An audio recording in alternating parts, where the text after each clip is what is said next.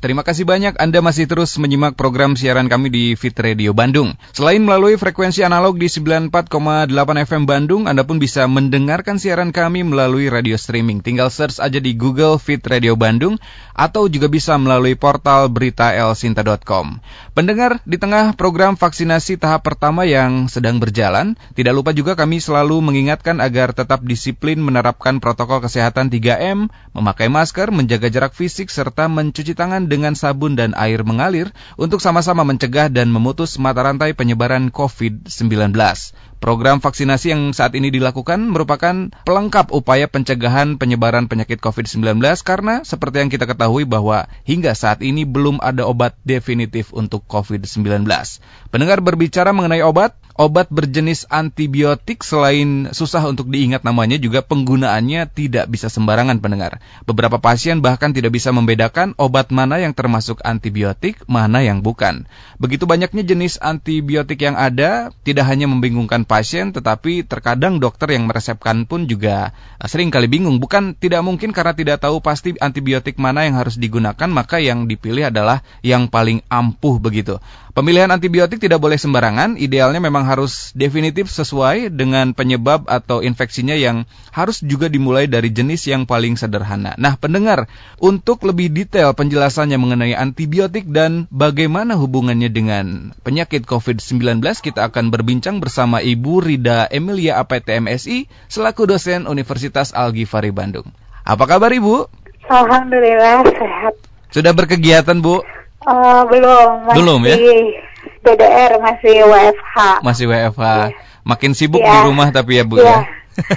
Dan waki, masih isolasi mandiri juga. Oke, baik. Pendengar beliau ini adalah penyintas COVID-19. Ibu bisa berbagi kepada kami sebelumnya bagaimana awal mula sampai bisa terkonfirmasi positif gejala apa yang dirasakan, Bu? Saya sih nggak ada gejala ya OTG. Kalau di keluarga yang paling parah tuh ayah karena Baik. itu ada komorbid sama kekentalan darah. Hmm. Jadi sekarang masih ada di rumah sakit. Masih dirawat, oh, Bu ya? Iya. Tapi memang tidak ada gejala sama sekali, Bu? Tidak ada. Tidak ada ya. Ketika ya. memeriksakan diri, apa yang jadi indikatornya, Bu? Atau pertimbangan apa, Bu? Dan dinyatakan positif saat itu? Oh, yang indikatornya mm -hmm kita rapid rapid antigen dulu yang ayah ternyata ayah positif mm -hmm. dan keluarnya kan kontak erat mm. jadi diputuskan swab PCR aja. Sekeluarga positif. Satu keluarga Kecil. positif. Iya, termasuk dua anak saya yang masih kecil-kecil. Hmm. Kecuali saya yang negatif. Itu tanggal 25 Desember. Tapi di swab kedua tanggal 8 kemarin, mm -hmm. saya jadi positif gitu. Malah suami saya yang negatif. Gitu. Baik, berarti sekarang sedang isolasi mandiri ya Bu? Iya, ini hari terakhir, jadi saya Baik. boleh keluar gitu setelah ini gitu. Nah, okay. Tapi itu juga kalau udah ada laporan hasil dari puskesmas. Sudah swab lagi Bu? Sudah sudah dua kali. Sudah dua kali ya. Boleh diceritakan langkah pemulihannya seperti apa Bu yang sekarang dilakukan? Apakah memang ada obat-obatan tertentu atau juga ada hal yang lain begitu Bu yang dilakukan selama isolasi mandiri? Kalau untuk saya sih karena ya. tidak ada gejala yang harus ya. diobatin ya, sebisa mungkin saya menghindari obat kimia sintetis. Hmm. Jadi perbanyak suplemen saja sama makan nutrasetika. Jadi makanan yang mm-hmm. emang punya khasiat dan bermanfaat dengan menu seimbang gitu. Baik, imunitasnya juga tetap harus dijaga begitu ya Bu ya? Iya, iya, dengan suplemen. Dengan suplemen. Terima kasih banyak sudah berbagi bersama kami dan sudah menyediakan waktunya meluangkan waktu untuk bergabung juga di Fit Radio Bandung hari ini. Kembali ke tema pembahasan mengenai penggunaan antibiotik untuk COVID-19, Ibu Rida. Tapi sebelum itu iya. kami juga ingatkan kepada Anda pendengar Anda bisa berinteraksi bersama kami atau ataupun juga bisa langsung berkonsultasi dengan Ibu Rida melalui line SMS ataupun line WhatsApp kami. Nomornya 0811 2102948. Kami ulangi nomornya di 0811 2102948 atau juga bisa mention kami melalui akun media sosial Twitter. Baik, Ibu Rida, kita ya. ke tema mengenai penggunaan antibiotik untuk COVID-19. Ada anggapan ya. antibiotik seperti obat dewa begitu ya? Hampir semua ya. penyakit pasti dikasih antibiotik bahkan di masyarakat kadangkala gitu mintanya antibiotik ya. untuk berobat begitu. Ada tanggapan ya. terlebih dahulu Ibu mengenai ya. hal ini? itu sangat-sangat keliru ya. Antibiotik itu bukan obat dewa ya, hmm. tapi untuk memusnahkan bakteri gitu. Jadi kalau udah ada bukti klinis atau hasil lab dia terinfeksi bakteri, baru dokter merasakan antibiotik gitu. Kalau misalkan tidak ada itu, mm-hmm. uh, jangan sekali-sekali beli antibiotik karena nantinya akan terjadi kondisi yang namanya resisten. Hmm. Jadi kalau saya ilustrasikan, resisten itu ada gambar orang dan ada rumah dan rumahnya itu berpagar gitu ya. Hmm. Misalkan kita beli antibiotik yang lazimnya amoxicillin ya. Hmm sekarang dosisnya tuh udah 15 kaplet. hmm. Jadi bukan satu strip lagi, bukan 10 kaplet lagi. Tapi 15 begitu ya? Iya, 15 hmm. selama 5 hari. Nah, hmm. kalau misalkan kita minumnya hari ke satu, yang hilang hanya pagarnya saja.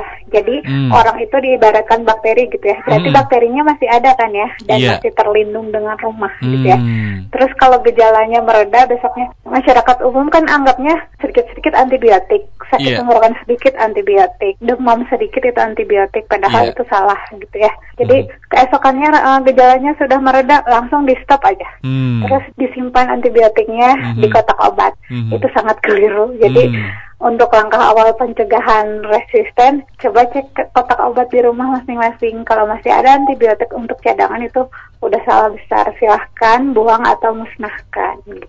Jadi memang harus dihabiskan begitu ya? Iya, harus dihabiskan satu dosis terapi. Baik, Ibu Rida menganalogikan bahwa kuman atau bakteri ini ada dalam sebuah rumah dengan berpagar begitu ya, dan ketika memang ya. antibiotik yang diminum itu hanya sebagian atau mungkin hanya awalnya saja begitu ya. dan sudah merasa enak. Karena dirasa udah udah mendingan, mm -hmm. ya udah stop.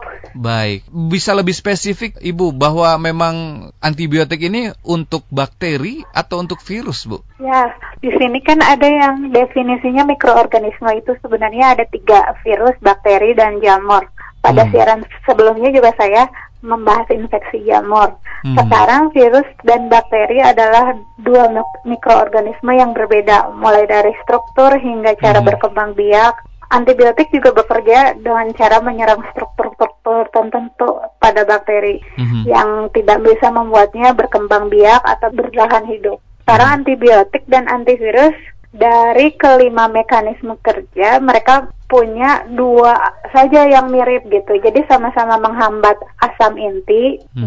DNA dan RNA untuk mencegah replikasi dan antagonisme kompetitif. Selain itu, tiganya berbeda gitu, antibiotik dan antivirus. Jadi struktur yang ditagatkan antibiotik itu tidak ada di dalam virus. Hmm. Oleh karena itu, COVID-19 hmm. sangat tidak bisa dicegah dengan antibiotik. Jadi mengkonsumsi antibiotik ya tidak akan berguna atau tidak efektif untuk menekan penyebaran virus corona. Baik, tapi memang di tengah masyarakat saat ini ketika terjadi misalkan gejala-gejala gangguan kesehatan yang ringan, masyarakat awam akan lebih sering mencari antibiotik, Bu, begitu ya. Nah, ketika ini dilakukan efeknya apa, Bu? Efeknya itu yang tadi saya sampaikan itu efeknya resisten. Jadi dia kalau terkena penyakit itu lagi tidak akan bisa menerima antibiotik karena bakterinya sudah kebal. Jadi kalaupun ada yang di atasnya mm-hmm. antibiotik taraf yang lebih tinggi. Kalaupun tidak ada, misalkan di sini ada yang lebih tinggi tuh tarafnya ciprofloxacin namanya ya. Mm-hmm. Kalau misalkan ciprofloxacin sudah digunakan tapi tidak secara tuntas, mm-hmm. ya udah itu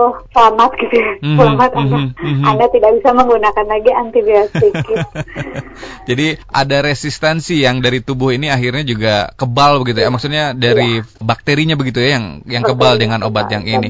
Nah, jika begitu dosisnya harus ditambah begitu, uh, Bu? Kalau dosis antibiotik sebenarnya tidak ada penambahan ya karena hmm. takarannya sudah sesuai. Kalau amoxicillin udah 500 hmm. mg udah. Jadi tidak bisa justru ditambah juga itu hmm. menambah resiko resisten. Baik, Bu, proses resistensi ini seperti apa sih, Bu? Apa karena memang obat yang harusnya diminum ini tidak habis begitu atau seperti apa, Bu? Bisa dijelaskan kepada Sebenarnya kita? banyak faktor yang memicu resisten itu ya. Jadi hmm. sebenarnya kalau antibiotik harus digunakan tepat waktu. Misalkan pagi, siang, malam. Baik. Harus terus tiap 8 jam sekali. Karena kan satu hari 24 jam ya. 24 hmm. jam yeah. dibagi tiga. Dan itu harus waktunya tepat. Harus tepat bu ya? Iya harus tepat. Walaupun jatuhnya jam 12 malam hmm. ya anda terpaksa harus bangun untuk minum antibiotik jika akhirnya bukan tidak diminum tapi telat meminum itu bagaimana Bu? Kalau telat sendiri sih nggak apa-apa, tapi kalau terlupa ya mungkin nggak bisa double di dobelkan dosisnya. Ada cara untuk bukan mencegah tapi menurunkan resistensi lagi Bu? untuk menurunkan resistensi, yeah. mungkin kalau misalnya emang udah terjadi, kita melakukan kombinasi dengan antibiotik lain. Tapi kalau untuk mencegah resisten, sekarang kalau misalkan di Ikatan Apoteker sendiri mm -hmm. udah ada gerakan dilarang menggunakan antibiotik secara sembarangan. Jadi kalau ada ada beberapa apotek kita meminta antibiotik mm -hmm. nggak dikasih gitu. Berarti mm -hmm. udah apotek itu udah sesuai dengan peraturan yang berlaku di IAI gitu. Tapi ada ada beberapa juga yang oh, bisnis oriented yang masih memberikan gitu. Mm-hmm. Tapi mm-hmm. diharapkan untuk memberikan antibiotik tuh dengan informasi yang lengkap bahwa antibiotik tuh harus sampai tuntas. Baik, harus dikasih penjelasan juga ya agar yeah. yang membeli pun bisa paham begitu. Baik, jadi sebetulnya ketika anggaplah seseorang sudah resisten terhadap antibiotik, Bu. Dan yeah. ketika suatu saat diperlukan antibiotik itu harus seperti apa, Bu berarti? Kalau sudah resisten ya mungkin kita lakukan rute lain ya. Hmm. Jadi yang lewat pembuluh darah. Jadi kita nggak bisa pakai oral lagi. Hmm. Jadi kalau udah resisten, kemungkinan resiko sepsis tuh besar gitu. Jadi kita lakukan berbagai cara dengan rute injeksi atau kombinasi dengan antibiotik lain. Sekarang antibiotik sendiri kan ada 9 golongan ya. Jadi kita cari yang lebih ampuh, yang hmm. lebih bisa memusnahkan bakteri. Tentunya dengan efek samping yang beragam. Baik, ada 9 golongan ya Bu ya? Iya. Dari yang paling rendah hingga yang paling tinggi begitu uh, iya, ada. apa iya. namanya keampuhannya begitu ya kurang lebih iya, ketika iya. secara awam. Baik Ibu terima kasih banyak penjelasannya. Kita kembali lagi ke tema Bu, hubungan antara antibiotik dengan COVID-19. Apakah antibiotik ini memang bisa dikonsumsi oleh semua pasien dan semua kondisi begitu Ibu? Atau apakah penggunaan antibiotik untuk yang terpapar virus SARS-CoV-2 ini diperkenankan atau bagaimana Bu sebetulnya? Bukannya tidak boleh penderita COVID mengkonsumsi antibiotik. Tetapi kalau ada bukti klinis dan dokter menilai ada resiko pasiennya bakal terinfeksi bakteri, antibiotik disarankan untuk pengobatan itu. Di hmm. sini yang yang disarankan drug of choice-nya adalah azithromycin. Jadi pasien hmm. yang memang terindikasi ada infeksi bakteri akan diberikan antibiotik. Dan biasanya di sini yang terinfeksi itu bronkus ya sinus, dan tenggorokan. Hmm. Nah, azitromisin itu efektif untuk menyerang bakteri-bakteri yang ada di apa, mukosa itu. Baik, ada azitromisin begitu ya? Mohon maaf ya. jika salah penyebutan. Iya, betul betul. Ini tuh sebetulnya apa Bu? Bisa dijelaskan kepada kami apa itu azitromisin karena memang saya pribadi pun baru mendengar, Bu.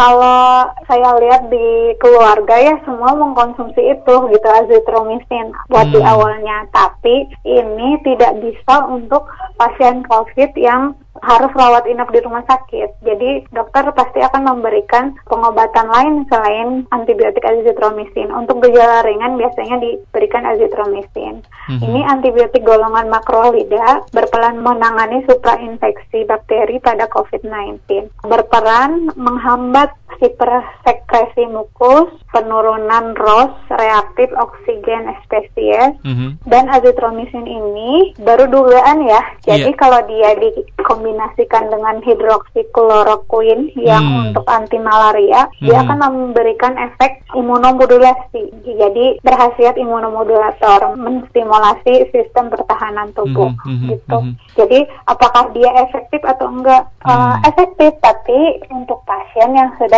terbukti terbukti ada hasilnya bahwa dia punya bakteri di paru-paru, di tenggorokan dan di hidungnya gitu. Baik. Kalau misalkan tidak ada mhm. bakteri mm-hmm. ya ngapain juga pakai mm. antibiotik karena itu menimbulkan resisten. Nanti malah kalau mm-hmm. sakit lagi tidak bisa menggunakan antibiotik gitu. Sebenarnya ini peruntukannya yeah. untuk orang HIV, mm. untuk uh, yang tukak lambung karena bakteri dan untuk pertusis batuk rejan dan mencegah penyakit IMS pada kekerasan seksual. Baik. Kalau ini efek sampingnya banyak banget tadi Oke, okay. ya. efek sampingnya seperti apa Bu yang yang Jadi, bisa terjadi? Yang terjadi tuh pada saluran pencernaan biasanya mual, muntah, hmm. pada kepala sakit kepala, hmm. terus sakit hmm. kepala dari yang ringan sampai ke berat dan detak jantung tidak teratur. Hmm. Jadi pasien dengan aritmia atau ritme jantung ritme, ya. uh, tidak seimbang -hmm. ini sangat tidak boleh menerima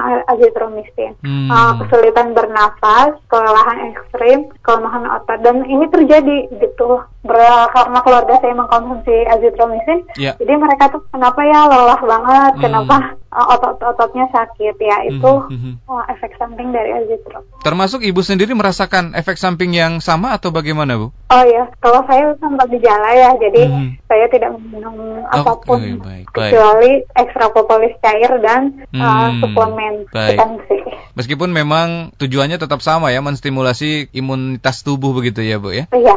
Baik ibu kita berlanjut kembali. Pandemi COVID ini telah menyebabkan peningkatan antibiotik bu di tengah masyarakat karena memang pemahamannya mungkin ada yang merasa lebih e, nyaman ataupun juga tidak terlalu jauh untuk memikirkan yang resistensi itu bu yang terjadi. Nah sebetulnya selain resistensi yang akan terjadi, hal apa lagi bu yang berkaitan dengan kondisi kesehatan jika memang menggunakan antibiotik tidak sesuai dengan eh, resep atau aturan main begitu bu?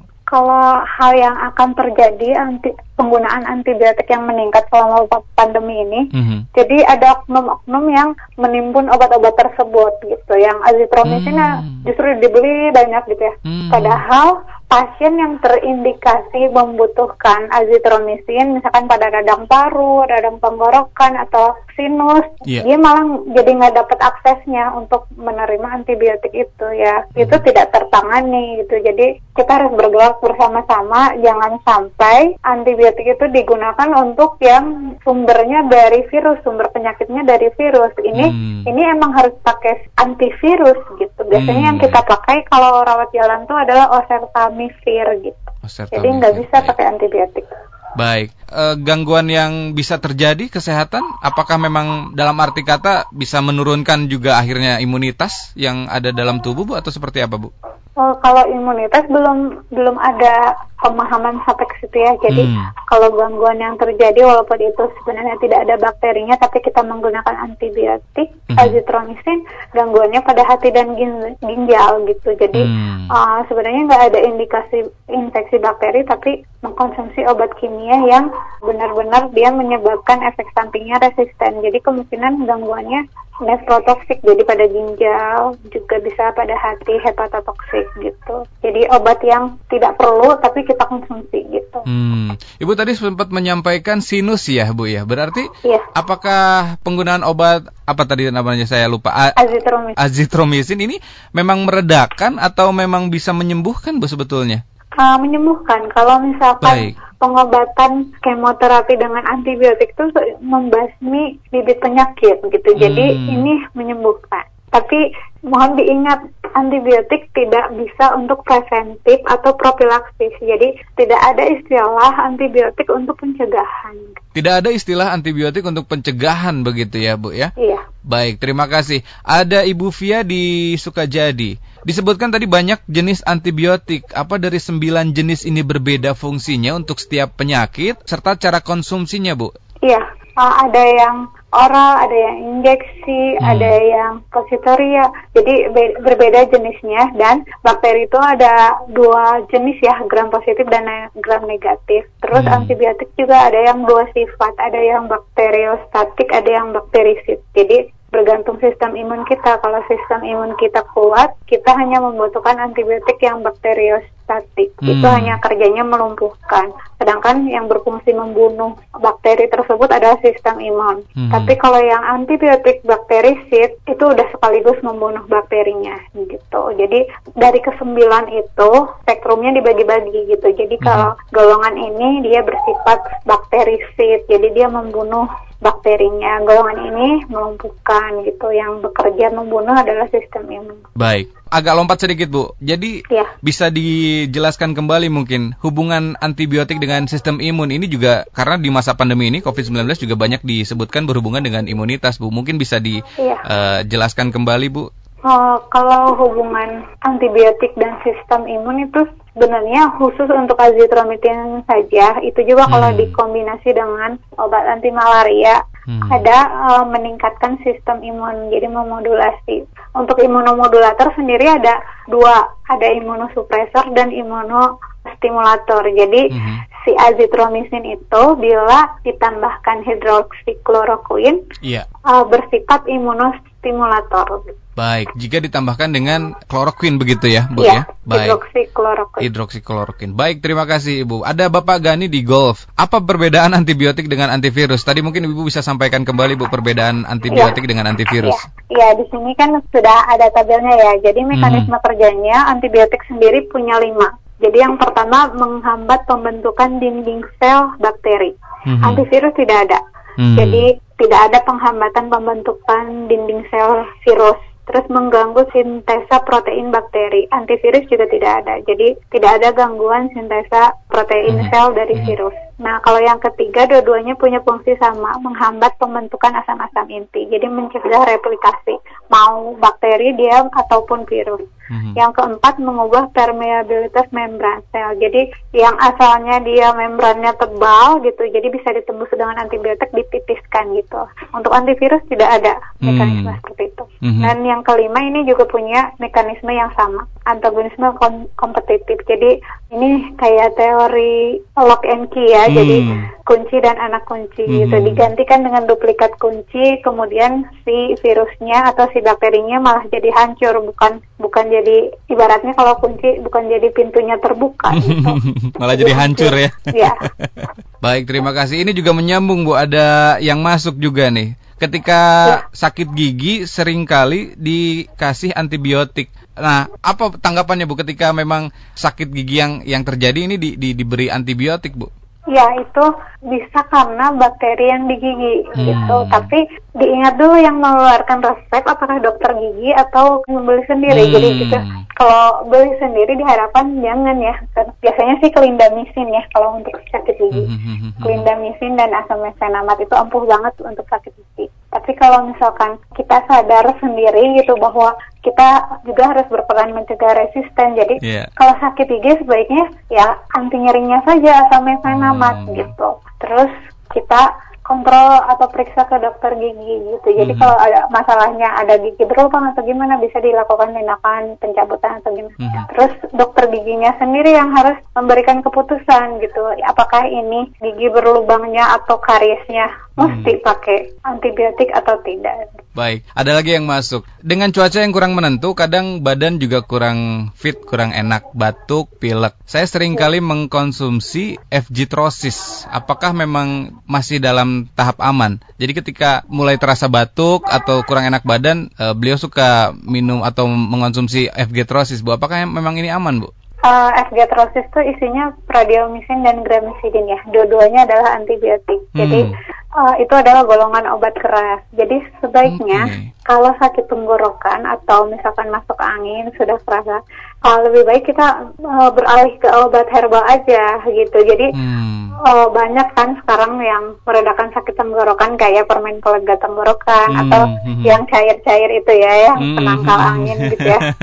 Jadi yeah, lebih yeah. baik itu Terus hmm. ada kan saya nggak akan menyebutkan merek ya. Yeah, yeah. ada yang lebih di ada yang lebih aman di over the counter gitu. Jadi di depan etalase yang apotek di situ yeah. banyak sekali permen hisap untuk mm -hmm. melegakan tenggorokan. Jadi daripada kita itu itu last choice aja gitu ya. Hmm, kalau misalkan uh, sakit tenggorokan menggunakan antibiotik itu last choice. Tapi kalau emang sudah biasa Ingat karena itu isinya antibiotik ya harus yeah. dihabiskan. Ya, harus dihabiskan ya, yeah. Bu ya. Baik, begitu tidak dikasih nama tadi. Ada Bapak Yandi di Supratman. Jika dari penjelasan antibiotik dengan antivirus lebih banyak fungsinya. Jadi uh, lebih baik antibiotik daripada antivirus, Bu ini harus dilihat dulu sih dari penyebabnya gitu. Jadi harus di, ada diagnosa yang tegak mm-hmm. bahwa dia infeksinya virus atau bakteri gitu ya. Mm. Untuk pilek sendiri, flu, influenza itu adalah virus. Jadi masyarakat awam sekarang kalau misalkan flu berat gitu ya,